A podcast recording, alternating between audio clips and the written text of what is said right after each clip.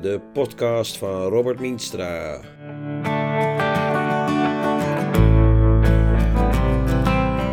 Afgelopen vrijdag interviewde ik voor Almere deze week burgemeester Frank Weerwind over de coronacrisis in Almere. Ik zocht hem daarvoor thuis op. Ja, ja, we hielden keurig anderhalve meter afstand. In de krant kan ik natuurlijk niet alles kwijt wat hij vertelt. De paginaruimte is daartoe te beperkt. Daarom nu het hele interview integraal als podcast op Hallo hier Almere. Meneer Weerwind, welke noodverordeningen brengt u op dit moment ten uitvoer? Want landelijk door de overheid is er van alles uitgevaardigd. Hoe zit dat in Almere? We hebben een regionale noodverordening die van toepassing is voor alle gemeenten in Flevoland. Omdat die tezamen de veiligheidsregio Flevoland vormen. Uh, op het moment dat het kabinet met nieuwe aanwijzingen komt, wordt die regionale noodverordening weer aangepast. Dat doen we in alle veiligheidsregio's in dit land. Zodat er een duidelijk beleid is voor alle Nederlanders met duidelijke spelregels. En welke verordeningen zijn nu echt van kracht? Kijk, de regionale noodverordening, ik spreek over één document. Om, daarin kan je gewoon heel helder zien, bijvoorbeeld die anderhalve meter, of uh, het element van het samenscholen. Of hoe ga je om met markten. Al die elementen staan daarin opgenomen. En daarin wordt duidelijk gezegd door het kabinet. En in dit geval de minister van Volksgezondheid, Welzijn en Sport. Die zegt tegen de voorzitters van de veiligheidsregio's die de uitvoering gestalte moeten geven. U moet dit en dat in de uitvoering brengen. Zo is het nu geregeld in dit land en iedere keer als er nieuwe aanwijzingen komen, wordt de verordening aangepast. Vanochtend was er een vergadering van het Veiligheidsberaad. Daarin zijn de regels die maandag door het kabinet zijn uitgekondigd, zijn weer opgenomen, worden besproken op haalbaarheid, uitvoerbaarheid, correctheid, of het juridisch allemaal juist is. En dat leidt weer tot een nieuwe verordening. Wat is de belangrijkste die je nu uitvoert? Uh, een van de belangrijke dingen is, we hadden die 100 personen regeling.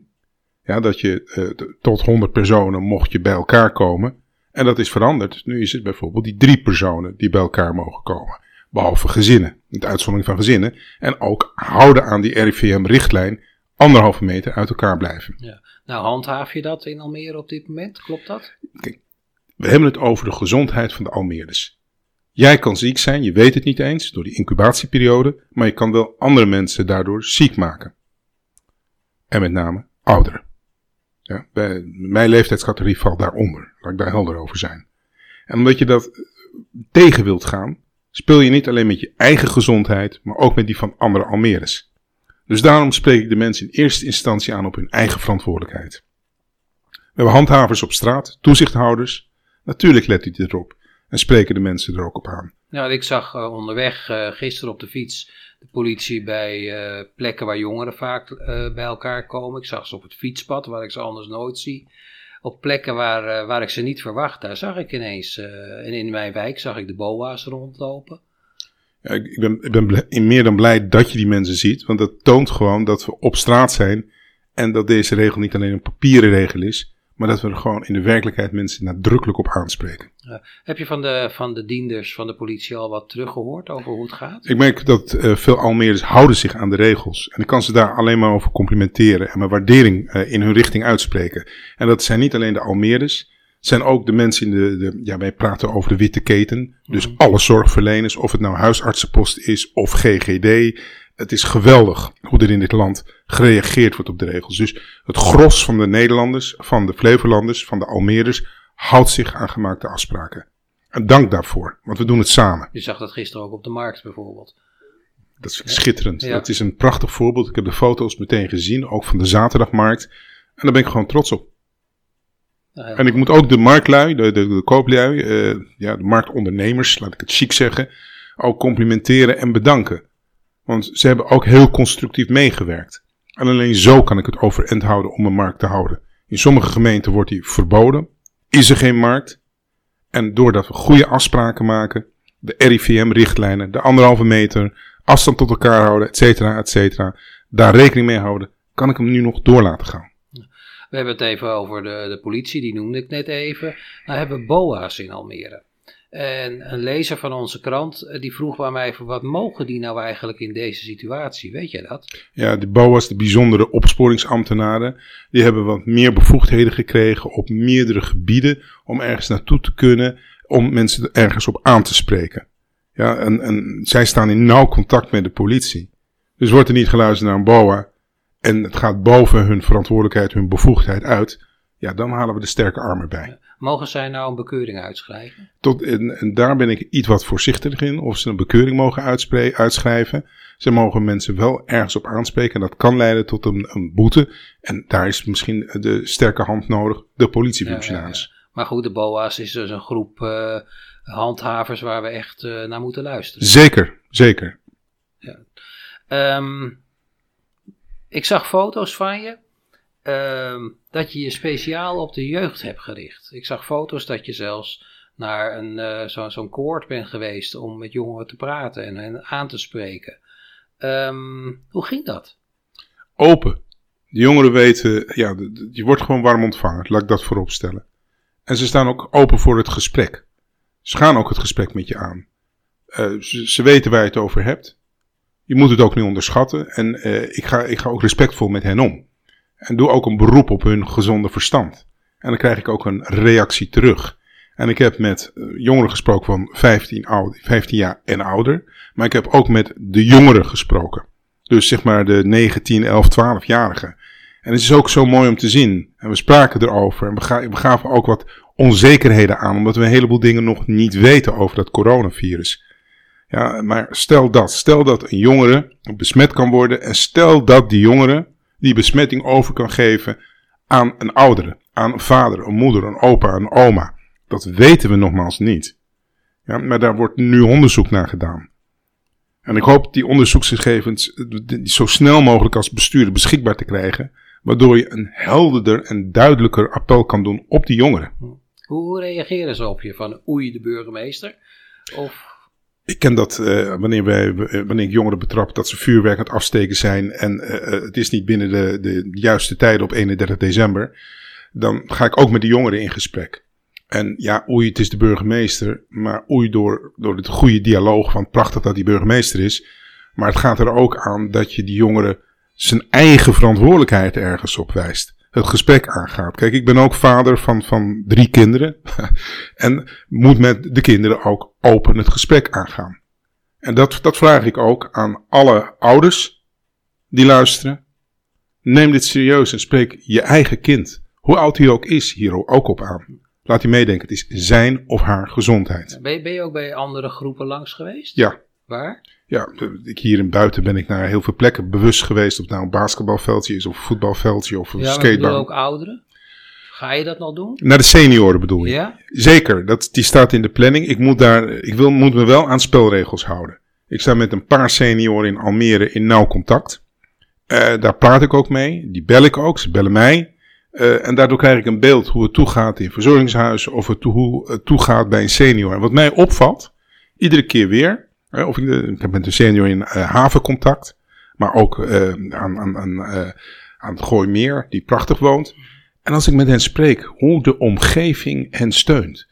Hoe ze onver, uit onverwachte hoek kaartjes krijgen in de bus. Gevraagd wordt of er, ze nodig hebben dat er een boodschap voor hen wordt gedaan.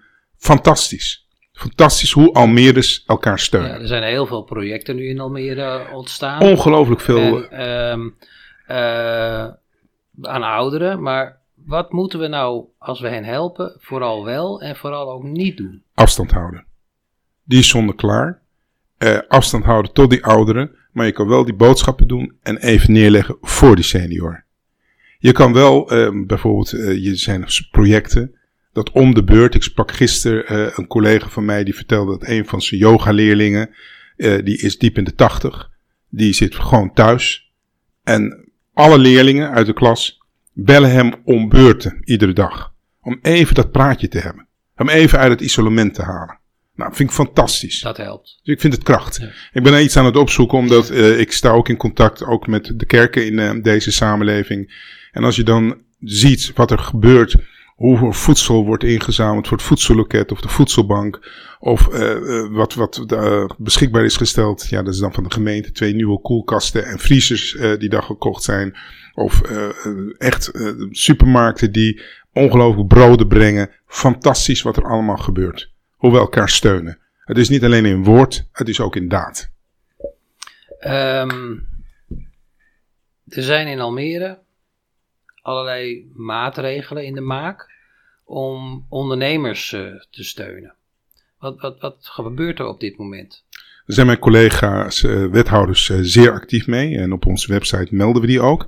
Je hebt natuurlijk diverse rijksregelingen. Maar je kijkt ook hoe je om kan gaan met belastingen. Ik vind ook de banken een, een geweldige geste die ze gemaakt hebben. Om de maandelijkse kosten te zeggen van even de komende zes maanden uitstel van betalingen. Nou, sommige banken doen dat. En ik, ik vind dat waardevol. We kunnen dat niet alleen als overheid. Het is goed als het bedrijfsleven elkaar ook steunt. Ik zag angstaanjagende cijfers vanochtend van het Centraal Planbureau. Waarin een, een, berekening was gemaakt van stel de crisis duurt drie maanden, zes maanden of een jaar. Wat dat betekent voor het aantal werklozen in dit land. Uh, wij, zijn, wij zijn samen een sterk land, een welvarend land als Nederland. Maar ieder land krijgt een enorme dreun door die, dat coronavirus. En hoe groot het wordt, ik weet het niet. Maar ik weet wel dat we een periode hebben voor de coronacrisis en een periode na de coronacrisis. En die periode na de coronacrisis hoop ik dat we dat samen zijn, de kracht uit de samenleving die we nu zien, dan ook weer hebben. Ook juist om die ondernemers te ondersteunen. Ja, nu, maar nu op dit moment, een ZZP'er die het heel moeilijk heeft, um, die denkt aan de gemeente. Klopt. Wat moet hij dan doen? Moet hij 14036 bellen of een mailtje sturen? Of? Ik maak een onderscheid uh, tussen enerzijds die ondernemers, maar anderzijds hebben we ook uh, particulieren die het heel ja. moeilijk hebben. Ja. De, de zelfstandigen.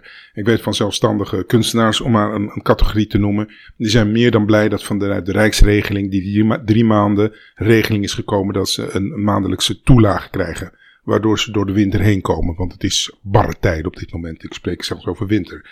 Maar zodoende kan men ook uh, contact opnemen met de gemeente. Dan hebben we de plangroep.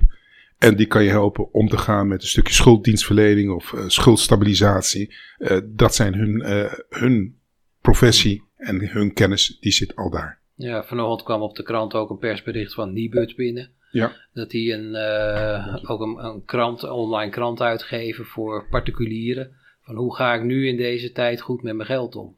Dus die hebben we ook maar meteen online gezet. Dus hoor je van alle kanten natuurlijk dat ze hulp moeten hebben. Maar, maar, een gezin dat het financieel zwaar heeft. Dat het niet bol werkt. Wat ja. moeten die doen? Kijk, de, dit is een, nou, net een onderwerp waar ik met mijn college afgelopen dinsdag in de collegevergadering, want we blijven gewoon de stad besturen, het over gehad hebben. De kwetsbaar in de samenleving. En dan ben ik trots op wethouders als Vrouwtje de Jonge uh, of Roelie Bos die dit hoog op de agenda zetten. En goed kijken van hoe kunnen we die kwetsbaren in die Almeerse samenleving ondersteunen en er voor hun zijn, concreet, met een stuk maatwerk. We hebben ogen en oren in de wijk. Dus, dus die gebruiken we ook optimaal.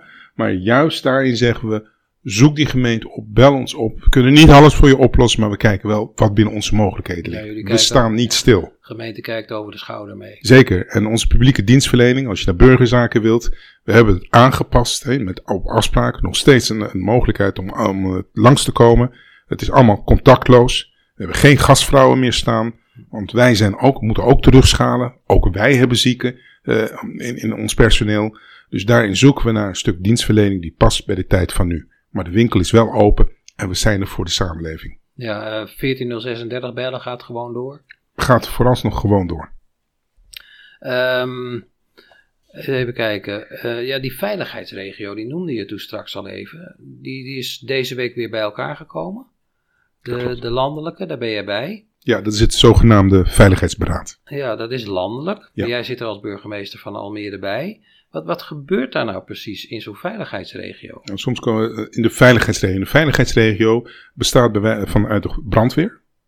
We hebben daar ook uh, de GGD, GGD GOR moet ik zeggen. En dat staat, de GOR staat voor geneeskundige hulp bij ongevallen en rampbestrijding. Heel belangrijk. Waarom? Daar wordt alle medische kennis en kunde over bijvoorbeeld infectieziektes, een vraag daaromtrent, die worden daar beantwoord.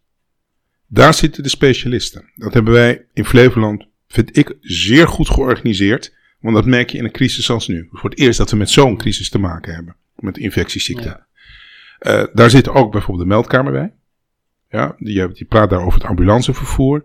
Hier zitten hele belangrijke onderdelen die hulp geven als de samenleving, uh, samenleving in nood is. En op basis daarvan kan jij handelen? Omdat de Flevolandse gemeente, de zes burgemeesters, vormen tezamen het bestuur. Uit het midden wordt één voorzitter gekozen, dat ben ik. De voorzitters van de veiligheidsregio, en dat zijn 25 veiligheidsregio's in Nederland, vormen tezamen het Veiligheidsberaad. En dat Veiligheidsberaad komt op voor de belangen van de brandweerlieden, komt op voor meldkamers. Ook bij het ministerie. En vaak nodigen wij ministers uit en nu staan we ook in nauw contact met, met, bij, met de ministers die hierover gaan. Of dat nou justitie en veiligheid is. Soms komt de minister van Defensie erbij. En dan hebben we rechtstreeks contact en rechtstreeks afspraken. Dus dat daar landelijk gebeurt in jullie overleg heeft direct gevolgen voor wat er in Almere gebeurt? Absoluut. Directe gevolgen voor heel Nederland, waaronder Almere. Ja. En daar worden ook afspraken gemaakt. Wij kunnen ook aangeven, dit werkt niet, dit moet beter, hier moet een aanscherping komen. Dus jullie zijn ook de ogen en de oren van de, de Rijksoverheid? Zeker, zeker, maar we staan in continu gesprek met die Rijksoverheid. Je, je, bent uh, nu gedreven aan het woord, Frank. je ja. ziet er gezond uit, maar hoe gaat het eigenlijk met je? Uh, ik word omringd uh, door mensen met wie ik ja, via devices, je iPad en je telefoon in gesprek ben. Natuurlijk is dit niet een ideale situatie. Ja, maar je bent gezond? Ja, ik ben hartstikke gezond. Uh, tenminste, ik denk dat ik hartstikke gezond ben. Uh, maar ik, ik, ik, zie wel beelden voorbij komen uh, die, die ik mij aantrek, die, die ernstig zijn, soms vanuit het buitenland. En ik besef ook dat we er nog lang niet zijn. Ja, iedereen, we hebben gisteren een paar lichtpuntjes gekregen, maar er sterven in dit land nog steeds mensen aan het coronavirus. En misschien dat de cijfers minder hoog oplopen, gelukkig zeg ik dan maar. En ik kan maar alleen maar hopen dat die trend zich voortzet. Kijk, hier zit ik in volstrekt uh, isolement in mijn huis. Van daaruit doe ik mijn vergaderingen online. Uh, natuurlijk zullen er uitzonderingen zijn. Dat, dat ik echt via via moet vergaderen, van persoon tot persoon. Maar uh, ik, ik spreek echt de hoop uit dat ik snel weer die Almeerse samenleving in kan om tussen de Almeres te zijn. Ja, thuiswerken, voelt dat niet als opgesloten zitten? Uh, dat voelt niet als opgesloten zitten. Daar zou ik een heleboel thuiswerkers mee disqualificeren. En ze hebben me genoeg tips en trucs gegeven. Hoe kan je omgaan met thuiswerken? Ook dat is een leven. Maar uh, juist ik als burgemeester wil in die samenleving staan. Op dat stadhuis zijn. Toegankelijk zijn. Mensen ontmoeten. Dat is mijn primaire werkhouding. Ja, nou dan heb je het hartstikke druk. Maar hoe ontspan jij je nou? Goede boeken lezen even af en toe even helemaal eruit. En ja, ook ik kijk wel eens naar Netflix. Kijk, uh, je dierbaren. Ja, neem bijvoorbeeld mijn moeder. Uh, die is 70 een diepe, diepe 70 Ja, die heb ik al, nou al, al, een paar weken niet gezien. Met FaceTime en dergelijke heb je het contact over en weer. En normaliter ga je er even langs. Kijk, dat mis ik nou echt. En dat vind ik nou heel jammer. Wat wil jij tot slot uh, de Almeres nog op het hart drukken? Hou je aan de richtlijnen van de Rijksoverheid. Uh, blijf aan je weerbaarheid werken. Dat wanneer je of mild ziek mag worden of ziek mag worden door het coronavirus, hè, dat je hem kan doorstaan. Eet gezond, leef gezond. Uh, jullie zitten dicht op elkaar. Blijf creatief uh, door, door jezelf te vermaken. En kijk om naar de mensen in je directe omgeving. Is die buurvrouw van, van, van 80 plus? Even dat kaartje in de bus. Even vragen of je die boodschap kan doen ja, of je iets mee kan nemen. Het werkt. Dat geef ik ze mee.